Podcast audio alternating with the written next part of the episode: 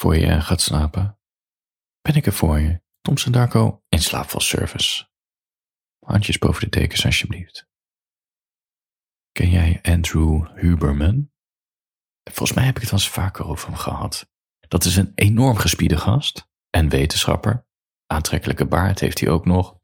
Zware stem, praat rustig. En hij heeft een podcast waarin hij de laatste inzichten vertelt om beter met je lijf om te gaan. Hij, hij duikt overal op en overal allemaal podcasts. En als je op Twitter zit, dan uh, grote kans dat hij eens een keertje voorbij komt met zijn adviezen. Ik moet zeggen, ik heb nog nooit een podcast van hem beluisterd, wel met hem. En ja, dit is gewoon wat een man moet zijn, dat is hij.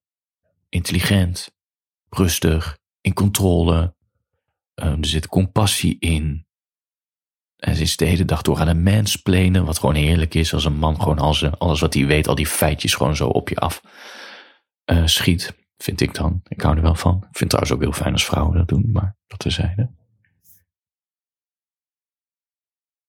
En die tips van hem, ik snap wat hij doet. Het gaat natuurlijk over zorg goed voor jezelf. Dus heeft een paar van die herhalende boodschappen. Bijvoorbeeld zorg dat je binnen 20 minuten na wakker worden naar buiten gaat. Niet voor het raam, maar naar buiten gaat. Om even zonlicht te vangen. Als het bewolkt is, dan moet je minimaal 10 of 20 minuten buiten blijven. Als het zonnetje schijnt, dan is 5 minuten voldoende. En dat is goed, want er worden allemaal hormoontjes aangemaakt. En je uh, dag-nachtcyclus uh, gaat goed lopen. Dus daardoor val je s'avonds beter in slaap. En je voelt je er vrolijker door. Nou ja, er zijn wel honderden argumenten te verzinnen waarom je dat zou moeten doen. Ander, advies waar die altijd weer komt, dat is douche minimaal drie minuten koud. En weet ik veel wat voor argumenten. Zoek het allemaal zelf op. Het interesseert me eigenlijk geen reet. Ander punt is natuurlijk, ga op tijd naar bed. Dat spreekt misschien wel voor zich, want slaap is denk ik het belangrijkste medicijn dit leven. Je kan pillen slikken om je langer te concentreren. Kan drugs gebruiken om je gemoedstoestand uh, te verbeteren of juist weg te drukken. Maar de grootste druk heeft het lichaam drug, sorry, de grootste drug. Dat zit in slaap, slaap voldoende en een groot deel van je problemen zijn opgelost. Dat denk ik dan. Maar goed, dat zegt hij ook. Dus eigenlijk zijn Huber, Huberman en ik bros.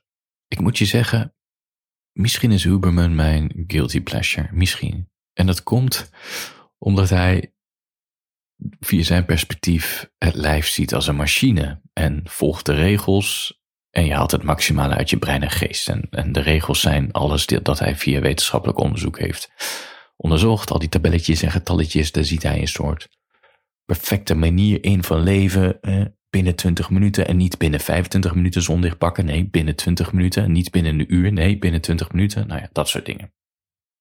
En ik snap ook wel dat die populair is, want volgens mij hebben we allemaal het idee of het gevoel dat we iets missen in het leven. We weten alleen niet wat.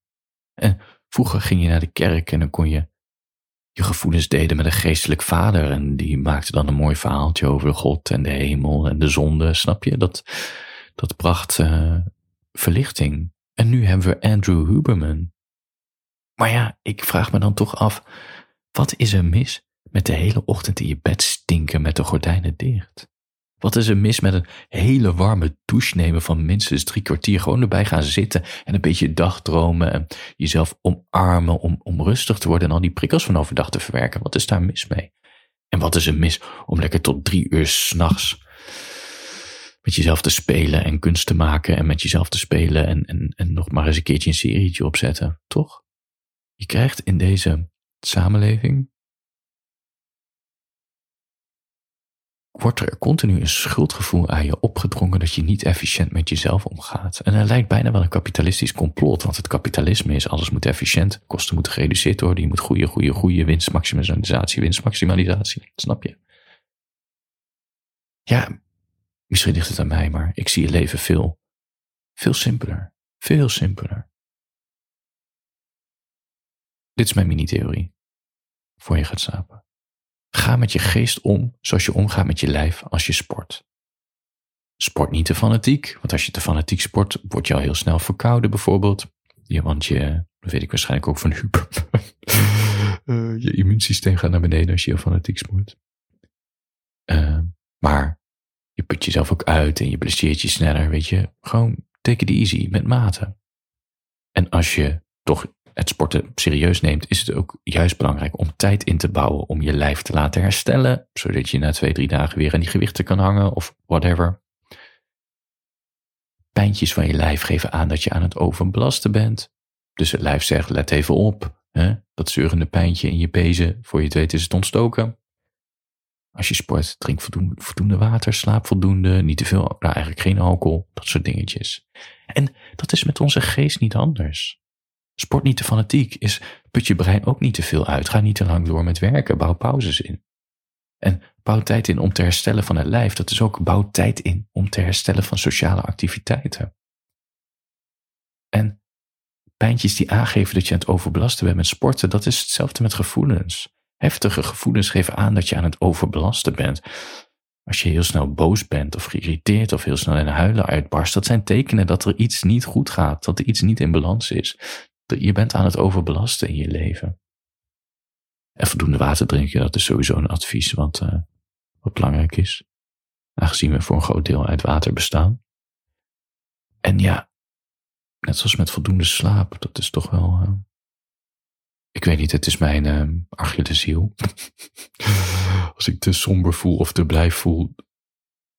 Als ik me te somber voel of te blij voel, dan moet ik altijd in, in slaap. En na een paar dagen betaal ik de prijs, want te weinig slaap resulteert bij mij in negatieve gedachten, somberheid, angsten. Nou ja, alles waar ik helemaal geen zin in heb, is vaak terug te leiden aan slecht slapen.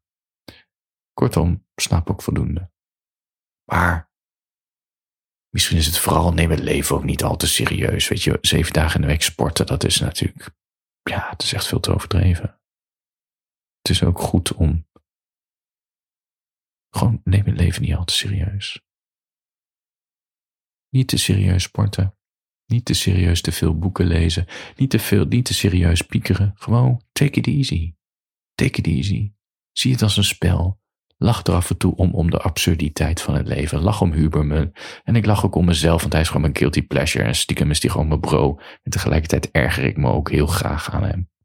Misschien ben je aan het slapen, maar ik hoop dat je erover droomt. Dat je in jezelf in je dromen leven niet al te serieus neemt. Gewoon doe zoals ik in mijn droom. Spring omhoog en opeens vlieg je. Begin een orgie met mensen waar je overdag over gefantaseerd hebt. Weet je, neem het allemaal niet zo serieus in je droom. Daar zijn er dromen voor. Er zijn weinig grenzen. Slaap lekker.